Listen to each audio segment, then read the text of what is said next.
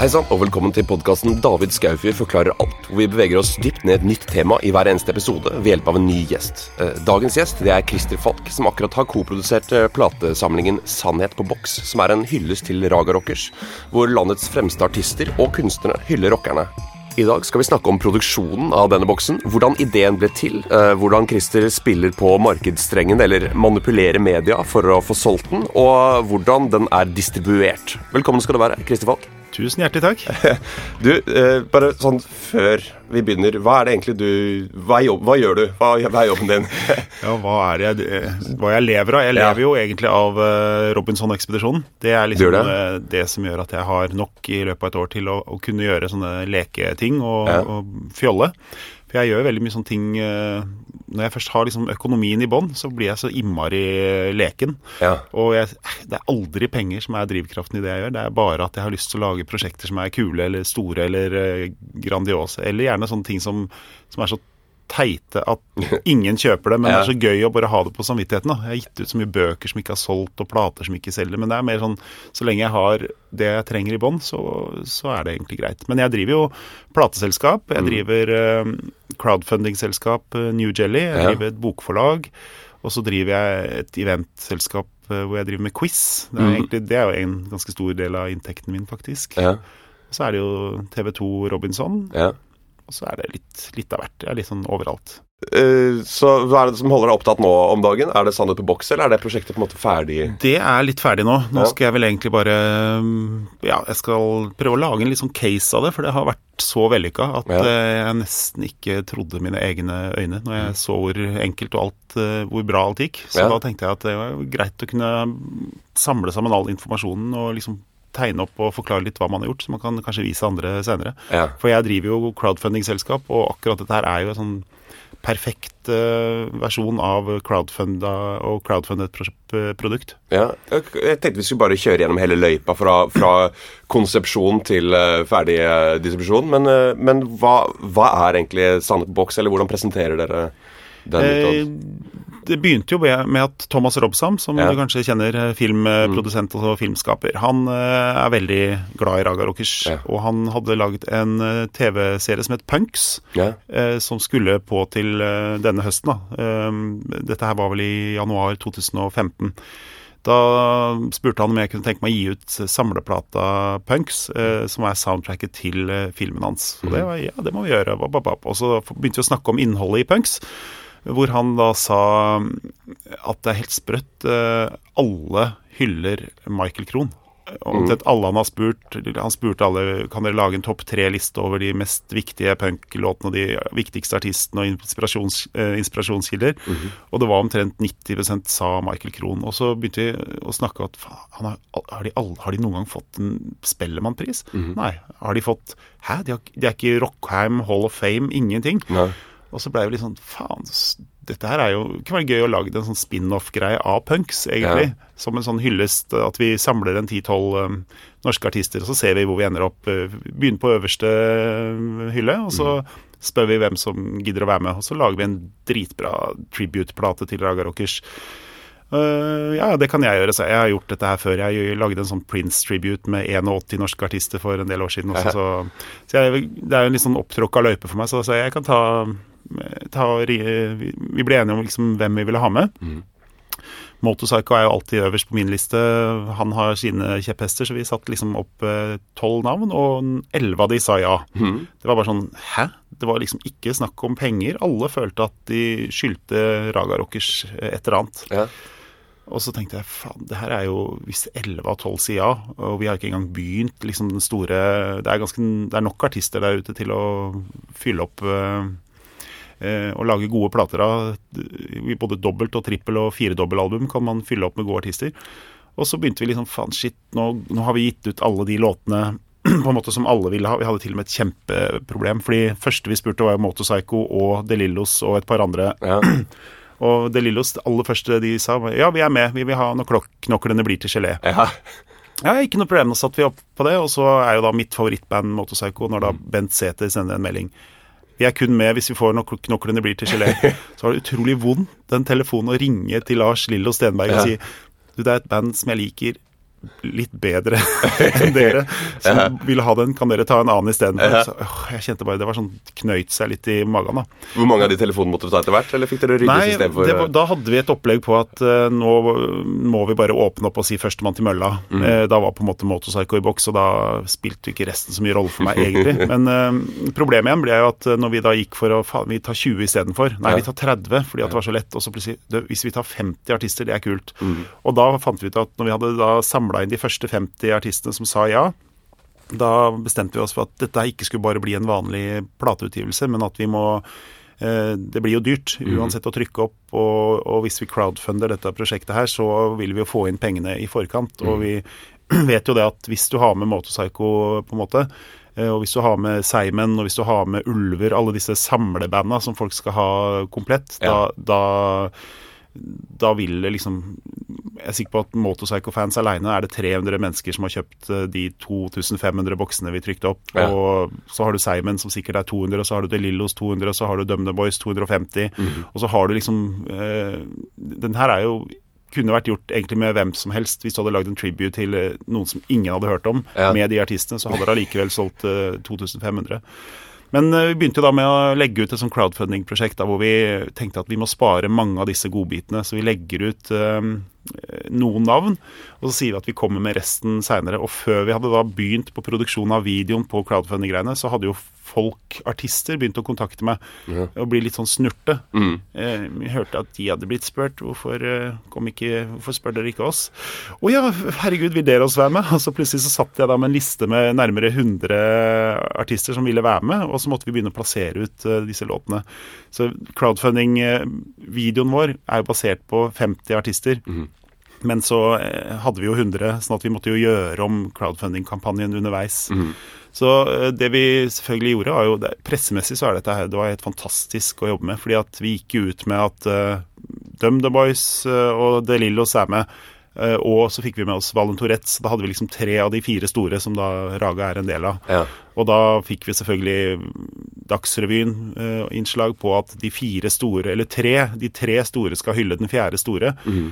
Og da fikk vi da VG til et intervju med, med, med DumDum Boys, og så ville Aftenposten gjøre med DeLillos, og så hadde Sånn at vi fikk liksom enormt mye presse bare på den ene lille biten. Og allerede der så eksploderte jo salget, for da hadde vi liksom tre store band samtidig som eh, gikk ut samtidig som vi hadde Dagsrevyen. Ja. Så da var vi oppe i sikkert en 700 000-800 000 kroner i inntekter bare ved å, å, gjøre det. Og da skjønte vi at faen, dette her er jo Det blir nok penger ja. i omløp til å gjøre dette her ordentlig grandiost. Og, og, begynte vi å regne og telle sammen, og vi fant ut at Raga Rockers har skrevet 137 låter. Og når vi da var oppe i nærmere 100 artister, så tenkte vi faen heller. Vi lager 137, så gjør vi alle eh, de tolv platene Raga Rockers har gitt ut, i sin helhet. Sånn at vi covres på en måte Forbudte følelser-albumet covres som Forbudte følelser-albumet i den rekkefølgen med bare nye artister. da. Og da kom jo plutselig ideen også om at uh, vi må jo ha noen kule folk til å lage cover. Mm. Begynte jo med Push Wagner, uh, var førstevalget. Og Kristoffer Nilsen, for så vidt. De to var uh, våre førstevalg. Mm. Og begge sa ja med en gang. Og så tenkte vi shit, uh, nå har vi bedt to personer om å lage cover, egentlig. Men uh, så finleste jeg mailen jeg hadde sendt til Kristoffer, og da var det sånn at uh, det var et bidrag. Ja. Uh, og så Pushwagner nøyer seg sikkert ikke med et bidrag, så han lagde jo coveret. Og da var det liksom kult. Men faen, hvis vi begynner å spørre Kristoffer Nielsen og Pushwagner, alle mm. sier ja, er det sikkert veldig lett når du har de store i bånn, mm -hmm. å begynne å spørre andre folk. Ja. Så da spurte vi jo liksom Tok jo hele runden, og viser seg at nesten hele Tegneserie-Norge er jo fan ja. av Raga Rockers. Ja. og hele universet til Raga Rockers er veldig sånn tegneserievennlig også. For det mm. første så er det jo Tegne Michael er jo veldig enkelt. Mm. det er jo en uh, sint, skalla mann, liksom, og det er jo veldig Han har sånn fin strek, og tekstene til Raga Rockers er veldig sånn Du kan jo ta en hvilken som helst tekst og lage verdens kuleste stripe av det. Ja. Så da begynte vi å Ja, egentlig Hvem Jeg googla, jeg er ikke så inne i tegneserieverdenen, så jeg måtte google hvem er det som uh, hvem er de 50 beste tegneserieskaperne? og så tok vi liksom Hvem har vunnet priser? Gikk inn på alle disse tegneserie... Kulturrådet, eh, lyd og bilde Nei, hva heter det for noe? Fond for lyd og bilde. Fond for lyd og bilde og Kulturrådet. Alle disse støttemulighetene. Fant vi bare masse navn. Og så er jo da enkleste måten å invitere folk på, er jo å lage en lang, personlig mail eh, som du bytter ut noen navn på. sånn at du kan sende en sånn Hei, eh, David, eh, Ja. og så drar du en sånn Eh, også forstått at eh, vi, vi også har hørt en del med Terje på Tronsmo og Øyvind Holen, folk som er inne i tegneserieverdenen, ba de om å lage lister. Mm. Og så er det sånn at hvis du sier at du er på lista til Øyvind Holen over de man skal spørre, så er jo det veldig sånn smigrende. Mm. Ja. Eh, og jeg merka det at det var utrolig lett å, å, å be om lite.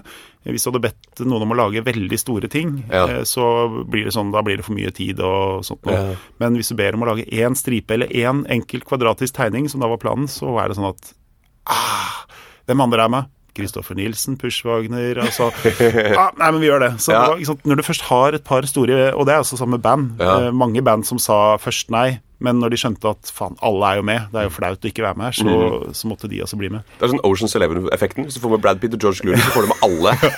Oceans 40 blir det Ja, Vi må ta et skritt tilbake bare for, for de som ikke kjenner til det. Hva er egentlig crowdfunding, og hvordan funker det? For det er jo en, del av, av, en veldig essensiell del av den prosessen her. Ja, vi hadde nok ikke klart dette her prosjektet Eller vi hadde ikke turt å gjøre det prosjektet hvis, hvis vi ikke hadde crowdfunda. Eh, crowdfunding er egentlig Hvis du har en idé, da, enten har du lyst til å gi ut en bok eller en plate eller et, eh, en duppeditt, Ja. eh, så, eh, så tenker du det koster ganske mye penger å produsere dette prosjektet.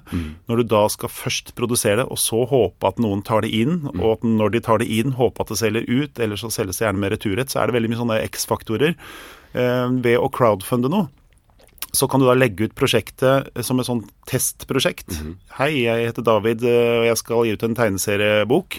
Jeg lurer på om jeg har nok fans der ute til å eh, at dette her blir en realitet. Ja. Da kan du legge det ut, si at det koster 300 kroner for din tegneseriebok, og så hvis du har 50 000 i budsjett, så vet du at du trenger å selge rundt 140 eksemplarer eller noe sånt noe for å gå i null. Og klarer du det, så er det jo bare å produsere. Og hvis det viser seg at du ikke er noen som bryr seg om det du driver med, så sier du bare ok, alle får penga tilbake, vi skrinlegger prosjektet. Og det er jo teorien eh, crowdfunding, er at man eh, har null risiko, da. Eh, eller i hvert fall kan minimere risikoen. Vi visste jo at vi ville lage Raga Rockers prosjekt uansett, så vi eh, Når vi først satte i gang, og vi kan ikke sette i gang Dum The Boys og Motorpsycho liksom, til å lage låter, og så sier du etterpå at det, det viser seg at det var ikke så veldig mange som var så opptatt av dette her, men vi snakkes. Ja. Så dette her var jo på en måte sånn vi visste at alle pengene vi ville få inn, ville bare minimere tapet. Ja. Eh, For det er jo et tap. eh, Men vi bygde jo også dette prosjektet er ganske stort underveis. For jo mer penger vi fikk inn, jo, jo mer skjønte vi at dette her kan bli liksom et stort eh, ja, en sånn historisk dokument over ikke bare sånn bra band, men veldig mange artister som hyller et band.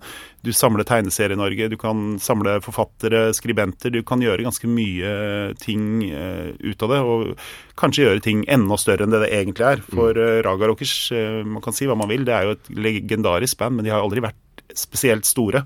Eh, Så det er kanskje Hvis du hadde spurt om å gjøre det samme med Kurt Nilsen eller Hellbillies, eh, eller eh, ja, et hvilket som helst sånn populært, stort band, så hadde det nok kanskje blitt sånn mer ah, Da skal vi ha penger for det-aktig. Ja.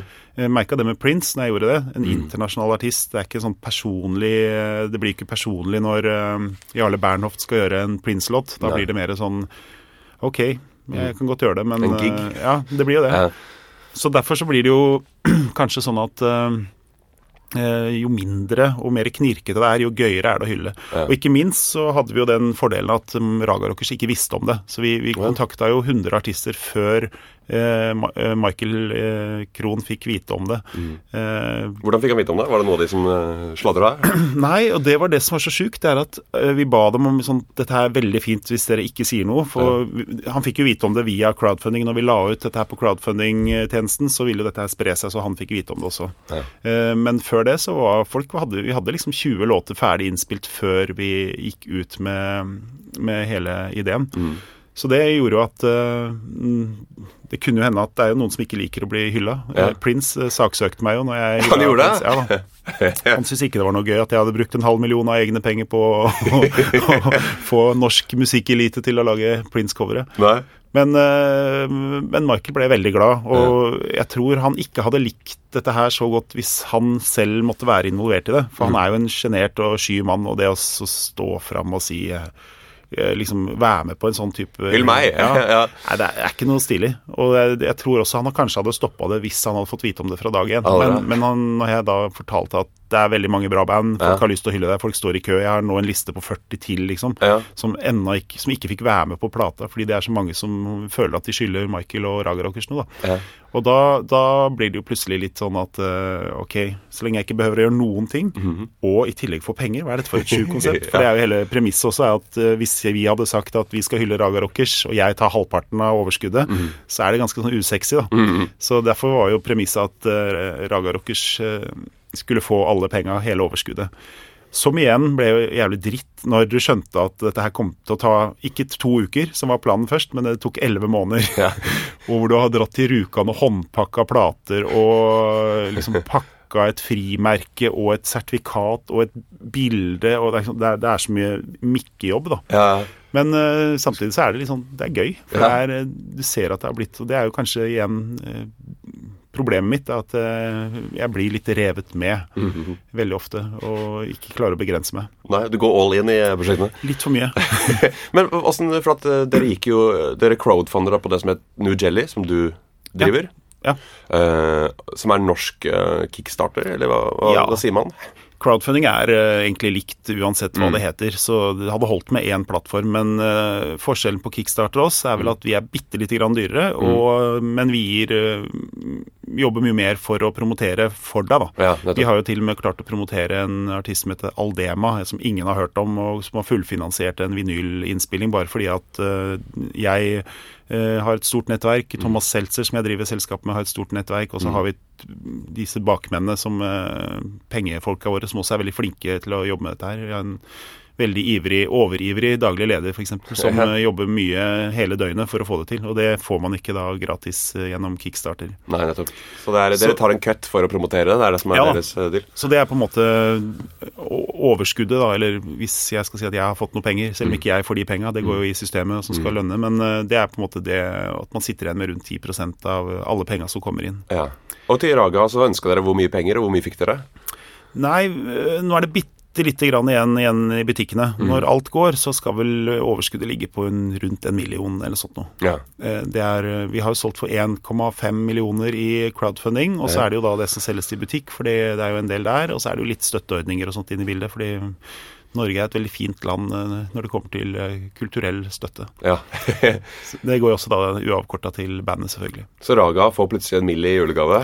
Ja, men det, det fine med dette er jo at Raga er jo litt sånn de det er en grunn til at ikke Michael Krohn har vært så rik, og det er jo at alle platene har jo eh, låter som handler om hvor blakk Ja, han er. alle handler om hvor blakk han er Så øh, det er klart, når du har tre, fire, fem konserter i løpet av et år, så er du, trenger ikke være matematisk geni for å skjønne at det regnestykket ikke går veldig opp. Nei. Men det kule nå er jo at øh, bandet har fått litt blod på tann, og de har skjønt at øh, det er et hull der ute. Folk vil ha Raga Rockers tilbake. Ja. Det er jo sånne på min alder som har vokst opp med Raga Rockers, Mm. som begynner å få barn, og gjerne folk som er eldre enn meg også, som begynner å få voksne barn, som Ja. begynner å høre på Raga Rockers, fordi at de har jo blitt Ja. ihjelspilt hjemme. Så det kommer en ny generasjon med Raga-fans nå. Ja. Så nå er vel eh, planen at Raga Rockers skal spille en 20 konserter neste år. Og? Ja, og så har jeg et ganske stort eh, prosjekt til med Raga Rockers som jeg skal gjøre fra neste år. Hva er det for noe? Ja, det er ganske mye omfattende, men eh, i korte trekk så handler det om at uh, jeg har fått tillatelse å trykke opp alle de gamle, originale Raga Rockers-platene på nytt på vinyl i farga vinyl, som vi skal trykke opp i sånn veldig limited edition. eh, ikke så mange, kanskje 300-400-500 eller sånt noe. Det vi har tenkt å gjøre, er å crowdfunde de 100 første nummererte platene med et arrangement som gjør at vi har sånn albumlyttedag hvor vi hører gjennom plata, og så får man en eller annen person, kjent person til å snakke om plata eller bli intervjua om plata, så avslutter vi kanskje med noe akustisk. Og det skal da være sånn superbilletter som vi legger det ut, og vi tipper at det kommer til å gå på fem minutter. At Ja. folk eh, vil ha ikke bare det at de får en eh, nummerert og kanskje signert plate, litt avhengig av hva vi får bandet til å stille opp på, så får de også et arrangement på toppen. Så de, og det finansierer jo hele opptrykket. 100, de 100 platene vi selger der gjennom crowdfunding. Det er det som er så fint med crowdfunding, er jo at når du selger noe direkte til noen, så slipper du jo butikkleddet. Ja. Og i tillegg så slipper du returretten, og du slipper øh, øh, enda mer markedsføringsstøtte og sånt. Selger du en bok til bokhandelen nå, så skal de jo ha 55% rabatt. I tillegg skal de ha liksom 50% returrett og gjerne markedsstøtte, så du selger jo en bok Du får jo 25 kroner for hundrelappen igjen Ja. fra bokhandelen nå. Her får du liksom 100 kroner igjen på hundrelappen, minus da fin til eh, New Jelly. I tillegg så sitter du på navnet, du sitter på lister på de som er så gærne at de vil kjøpe en, en Raga Rockers-boks til over 2000 kroner. Ja. Og da veit du at det er sannsynligvis ganske dedikerte folk. Så når du da sender en eh, Dette har jeg gjort med Motorpsycho-bøker, f.eks. Mm. Jeg sitter på 980 navn eh, som er Motorpsycho-freaks hver gang jeg gir ut noe nytt med Motorpsycho. Send til alle, og så tar det omtrent tre timer, og så er, eh, er eh, boka ferdigfinansiert. Og det er jo, Nå sitter jeg jo på kanskje det mest vesentlige navnet i Raga Rockers eh, verden som fins, som garantert kommer til å kjøpe eh, de 500 eh, limited eh, Ja. LP-ene. Hva tror du hvis én person prøvde å kjøpe alle sammen? Det må han gjerne gjøre.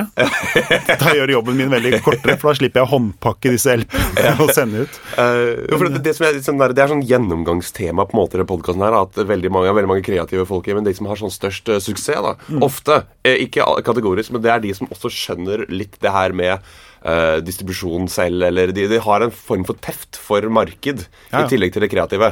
For at det er jo nok av manusforfattere som sitter på et loft og ikke får pusha ut uh, tingene sine. Så du, du er veldig eh, Du har ett bein i hver leir, kan man si. da. Ja, jeg har jo både Jeg har gitt ut bok, jeg har gitt ut plate, selv om vi ikke skal snakke så mye om det. Men jeg har jo på en måte Jeg har drevet platebutikk, jeg driver plateselskap, jeg driver bokforlag. Jeg har jo jeg, jeg har stort sett vært på alle sider av Ja. alle bord. Eh, Det gjør jo at jeg, jeg kjenner jo til både svakheter og styrker. Det å ha drevet platebutikk i hele mitt liv, hvor jeg ser hvor eh, urettferdig på en måte platebransjen har vært eh, i alle år. eh, Hvor de har forfordelt og, på en måte prioritert enkelte butikker foran andre. Det er veldig gøy nå å sitte med å være han kjipingen som kan nå sitte når jeg gir ut en Star Wars-bok to uker før Star Wars-premieren, så kan jeg sitte og diktere på en måte betingelsene selv. Da. Jeg syns at en del av disse bokkjedene er kjipe. Så de sier ja, vi skal ha 55 og 20% med marketingstøtte, og så skal vi ha 50% rabatt. Så kan du bare si fuck you. Det er så deilig. Det er deilig å kunne si det. Og det sier jeg litt oftere enn kanskje det som er sunt der, men det er Ja. fordi at jeg har så tro på crowdfunding. Og jeg, jeg tenker at har jeg solgt liksom 1000 Motorpsycho-bøker til eh, 350 kroner eh, gjennom crowdfunding, og sitter med hele overskuddet sjøl, så er butikksalg mer en bonus, da. Ja. Og hvis da Tanum vil ha disse bisarre betingelsene sine, så kan du bare si fuck you. Og så veit du at du får så mye presse på det når boka kommer ut allikevel, at folk kommer til å gå i Tanum-butikken og spørre, og så sitter de der og Vi kan jo ikke ikke ta den inn. Og så blir de nødt til å ta den, og det har skjedd en del ganger, bl.a. annet med Prince-boka jeg ga ut ja. eh, som eh, utrolig påkosta bok. Eh, eh, ingen eh, butikker ville ta den inn. Det var liksom null salg til kjedebutikkene. Eh, og det er liksom 600 butikker, og det er jo for sjukt at eh, de gir ut en bok med PJ Harvey fra et stort eh, forlag og selger liksom 2000-3000, som egentlig er ganske mye mindre kommersielt sett enn Prince. Men fordi at jeg er på det lille filleforlaget mitt, så tar de null. Så det er liksom sjukt nok. Men da tenkte jeg ok, det jeg skal gjøre nå, jeg skal lage så mye presse ø, og sørge for så vanvittig mye styr i media at de bare blir nødt til å ta inn. Da, Ja. så, da blir det liksom dobbeltside i VG, Aftenposten, Dagbladet. Vi, vi greier å få ganske mye fokus på en uh, bok skrevet av uh, to blodfans. Jeg som i tillegg er på TV. Det er jo klart at dette her er kommersielt sett for en avis. Og da blir det sånn at hele Norge plutselig i løpet av to timer uh, veit at Prince ga ut en bok. Og så går de da ut og så spør etter denne boka i butikk, og så sitter de der. Å, shit, vi må ta inn. Og da kan du bare si Fuck you! Ta den inn, dere. Dere får de 35% rabattene. That's it. Så jeg er blitt fuck you-mann. Du er fuck you mann, også mediemanipulator. Det er veldig eh, Ja. Eller vil du kalle deg det? Eller Ja, hva? jeg vil si det. Ja. Jeg har jobba med media i ja, lenge før jeg var på Robinson i 99. For da drev jeg jo plateselskap fra 94. og Gjorde du det for å øke markedsverdien på det du gjør? eller? Ja. Det var jo eneste grunn til at jeg var med på Robinson, i hvert fall da, var at uh, jeg tenkte at det kom til å komme mange ekstra kunder i butikken hvis jeg gjorde en noenlunde god figur. Jeg gjorde ikke så veldig god figur, for jeg ble ikke så populær, men det kom veldig mange mennesker i butikken. er all PR er god PR, kicka der. Ja, det er det som er fint. vet du. Det er jo det at Jeg har jo tenkt deg så upopulær. Jeg hadde en hjemmeside med 40 000 medlemmer mot meg i 1999, men allikevel så har jeg ikke hatt jeg har ikke hørt ett ord liksom privat at noen har kommet opp i trynet mitt og sagt noe negativt. Nei. Men det er bare hvis du gidder å lese kommentatorfeltene. Ja, ja. Det er det som er så fint, er at eh, de som er negative, de er usynlige. De, Ja. de trenger ikke å bry deg om det. Om jeg sitter noen i Rjukan eller på Snåsa og hater meg og har lyst til å drepe meg og ønsker meg alt vondt, så. Så kjenner jeg det ikke. Har det ingen konsekvenser for deg? Nei, de- ingen. Nei, det, er liksom, det, er... det er ingen Jeg ser jo aldri de, jeg er ikke på Snåsa.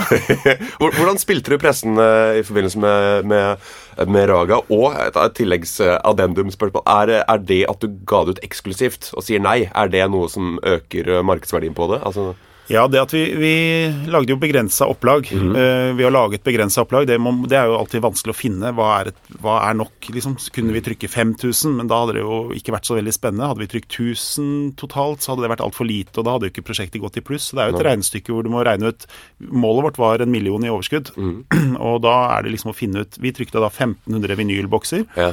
Vi lagde 1000 CD-bokser. Da har du ganske sånn 1000 CD-bokser. Det går fort.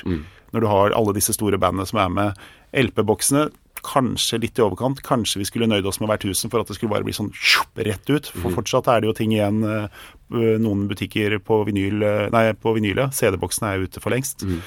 Så så det er liksom å finne den magiske grensa, hvor eh, grensa går.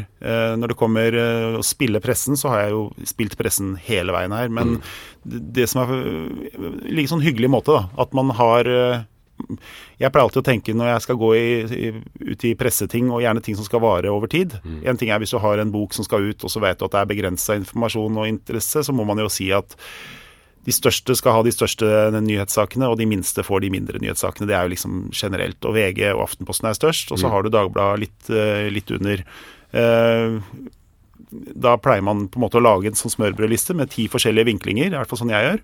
Eh, Øverste vinklingen Du kan tenke deg, Er du gravid, eh, narkoman og eh, i tillegg skal skille deg, så må man liksom tenke hvem skal Du går jo ikke til VG og sier 'jeg er gravid, jeg er narkoman og jeg skal skille meg'. Da sier du til VG vil du, du vurderer liksom hva er den beste historien. ja. Akkurat i det tilfellet der, gravid, skille meg Kanskje alle tre er Ja. veldig øverste hylle, men du må liksom la de få én av de, så da kliner de til med at 'du er gravid'! Så er det en kjempeglad nyhet. Men da tenker du ok, da har jeg to saker igjen. Da får Aftenposten den andre, og så får Dagbladet den tredje, på en måte. Det er i hvert fall sånn jeg tenker. Så jeg har hele tiden tenkt at hver nyhet jeg skal gi, skal jeg kunne toppe uka etterpå, sånn at de Faen, nå har vi skrevet en sak som egentlig virka bra da, men nå kommer den neste saken som er enda bedre. Ja. Faen, hva gjør vi for noe? Vi- Ok, vi gjør det en gang til. Og det har jeg jo fått veldig mye igjen for. Vi har fått liksom mange oppslag på NRK Dagsrevyen. Vi har fått liksom fem-seks uh, nyhetsinnslag i VG.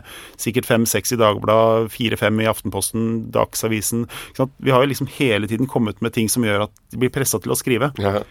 Og dette jeg hater jo pressen. De hater jo når de blir lurt. Ja. Og de vet at de blir lurt gang på gang. Men jeg har jo lurt dem tross alt siden 99 eh, etter Robinson, og jeg fortsatt eh, får saker på trykk. Så jeg, det er så mange som sier 'du kan ikke gjøre sånn, det kommer til å virke imot deg seinere'. Drit i det. Har du noen gang gjort det?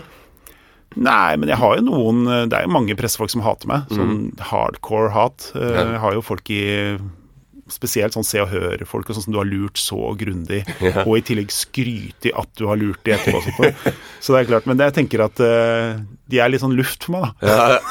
Så det er ikke så farlig. Det er en ærlig relasjon i forhold til Ja, men det er sånn Se og Hør jeg er ikke opptatt av. Men hvordan pleia du pressen i forhold til Sannhet på boks? Altså Hvilke konkrete saker gikk du ut med der? Eh, Og jeg tenkte vi skal gå tilbake til det kreative, altså rett og slett musikkproduksjonsbiten. Jeg syns det er veldig interessant med distribusjonen også, da, hvordan du Ja. pleier pressen der. Så, så hvordan, hvilke saker gikk du ut med, og hva gikk du ut med for å toppe det? Var det sånn at nå er Pushwagene med? Altså Ja, pushvagene sparte jeg jo ganske lenge. Ja. Eh, fordi at eh, jeg visste at når lufta er litt ute av ballongen, da Mm. må du dra inn liksom Pushwagner og Åse Kleveland og liksom alle disse som er så store at du, du veit at det går ikke an å si nei når du sier at Åse Kleveland skal gjøre en låt med Raga Rockers, Mm-hmm. som også blir en musikkvideo. Mm. Det blir så stort, da.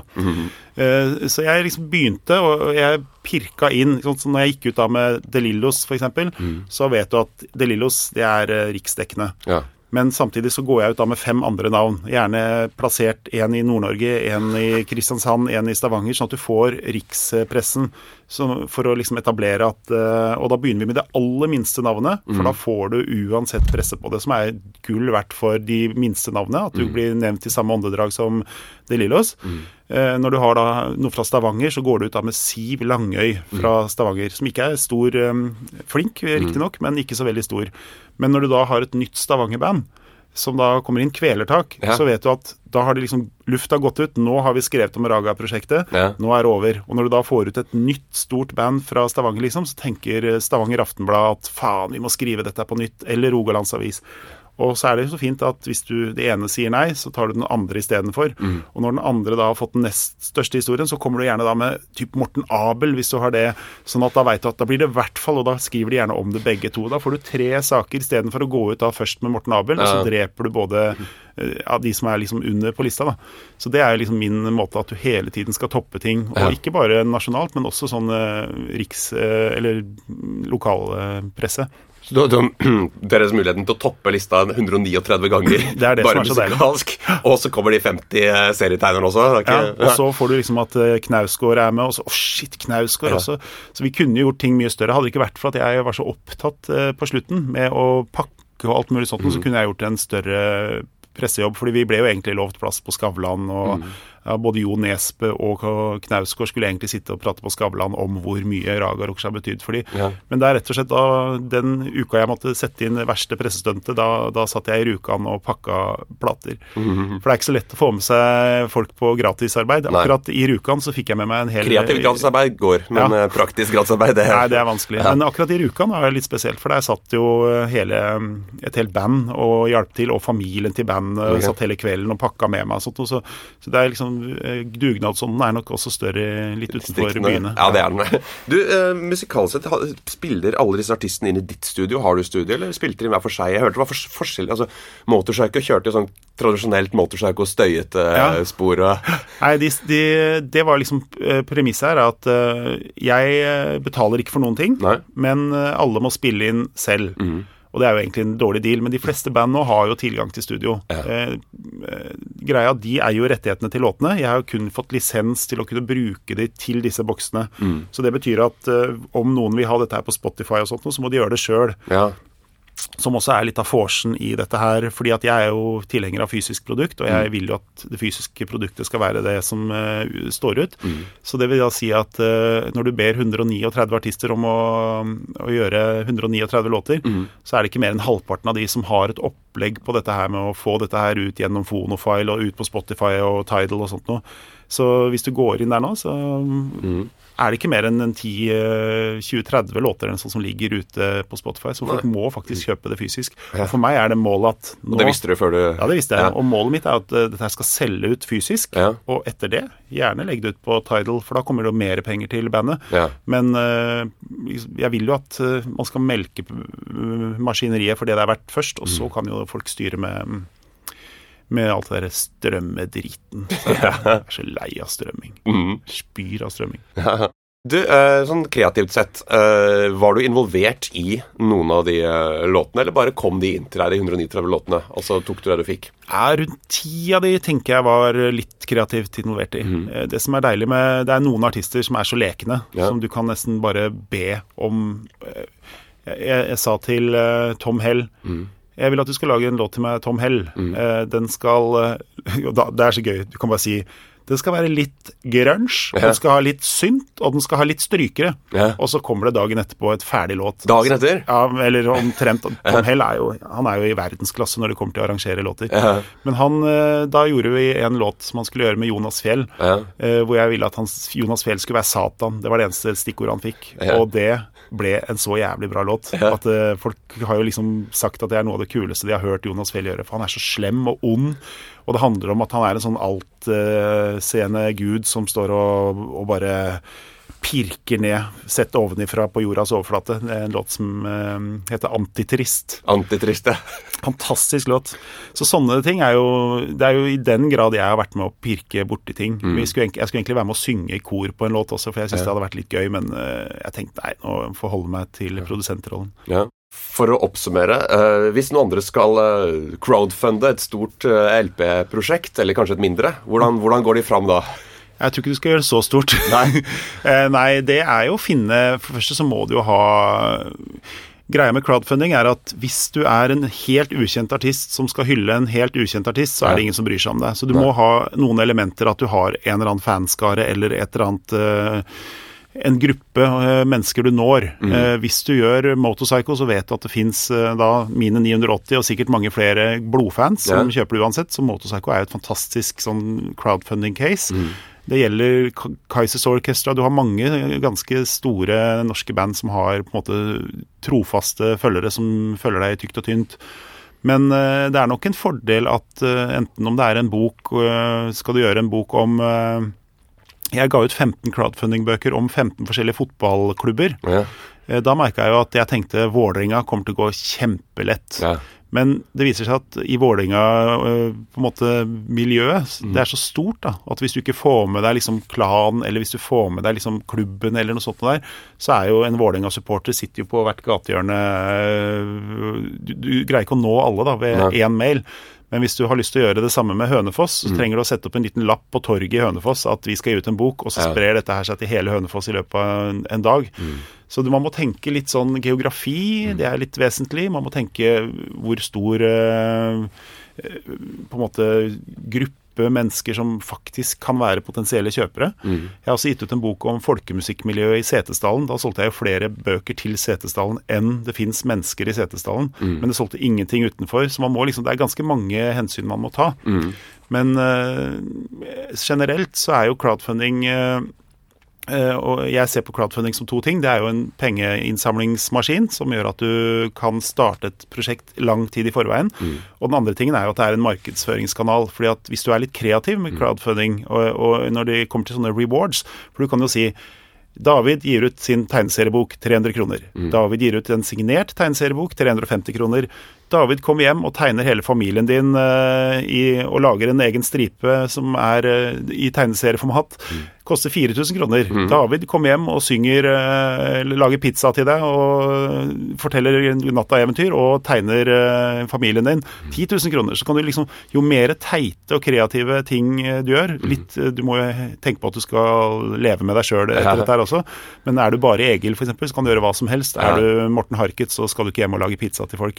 Men, men så lenge du er litt kreativ på de tingene der, så er jo dette her også potensielle presseoppslag presseoppslag som da kan promotere den store helheten til slutt, som jeg i hvert fall er veldig glad i å tenke den retninga. Ja. Så det er eh, crowdfunding er nok en sånn Egentlig ta og get to know me. Ring meg, for jeg kan crowdfunding ganske bra. Ja. Jeg driver et crowdf- crowd- crowdfunding-selskap, så det beste er å ta kontakt. Så kan jeg i hvert fall si om jeg, hva jeg føler er min umiddelbare reaksjon. Så- Jeg er så- på Facebook. Ja, det er det. Eh, og du er på hvilken nettside di, da? Siden vi først er i gang å promotere. Ja, Falkforlag.no er Ja. min side. Du, hvor kan, man, hvor kan man høre Antitrist og resten av låtene? Antitrist, tror jeg Nei, den ligger ikke på Spotify Nei. eller Tidal, så der må man jo ha boksen. Du kan jo, hvis du bare vil høre den, så kan du gå inn på platekompaniet og så kan du be om å få høre på plate, for det gjorde man jo i platebutikker i gamle dager. Mhm. Men det er ganske store sjanser for at du kommer til å ta den med deg når du går. Fins boksen igjen noen butikker? Ja, det er en litt LP-bokser igjen, og så er det vel kanskje tre, fire, fem butikker som har eh, CD-boksen igjen. Hva er det neste vi kan vente fra din side? Du, nå har jeg så mye planer. Jeg skal lage to spillefilmer. Ja. Jeg skal, eh, Hvis dette her blir nå, så skal jeg ha et enormt stort eh, prosjekt som skal på en TV-kanal. Ja. Eh, Jeg har laget et TV-konsept, samarbeid med noen flinke folk. Og så skal jeg ha en ny hyllest til eh, en av mine store helter. Det er hemmelig, dessverre, men eh, jeg skal ha en ny hyllest neste sommer. Eh, Norsk eh, artist. Og så er det jo Robinson på TV i mars. Og så er det Ja. Jeg har eh, litt for mange baller i lufta. Og så har jeg masse, masse bokprosjekter. Mhm. Ja, Du får komme tilbake og prate om et av de, da. Hvis Ja, det, bare si det er det som fester deg. Takk for at du kunne komme. Du. Selv takk. David Skaufjord forklarer alt produseres hos både og, med Charlotte Trolin bak spakene. Husk å like siden vår, David Skaufjord forklarer alt, på Facebook. Her kan du også komme med innspill, ønske om tema osv. Og, så og du må også gjerne legge igjen en rating eller kommentar på iTunes om du ønsker det.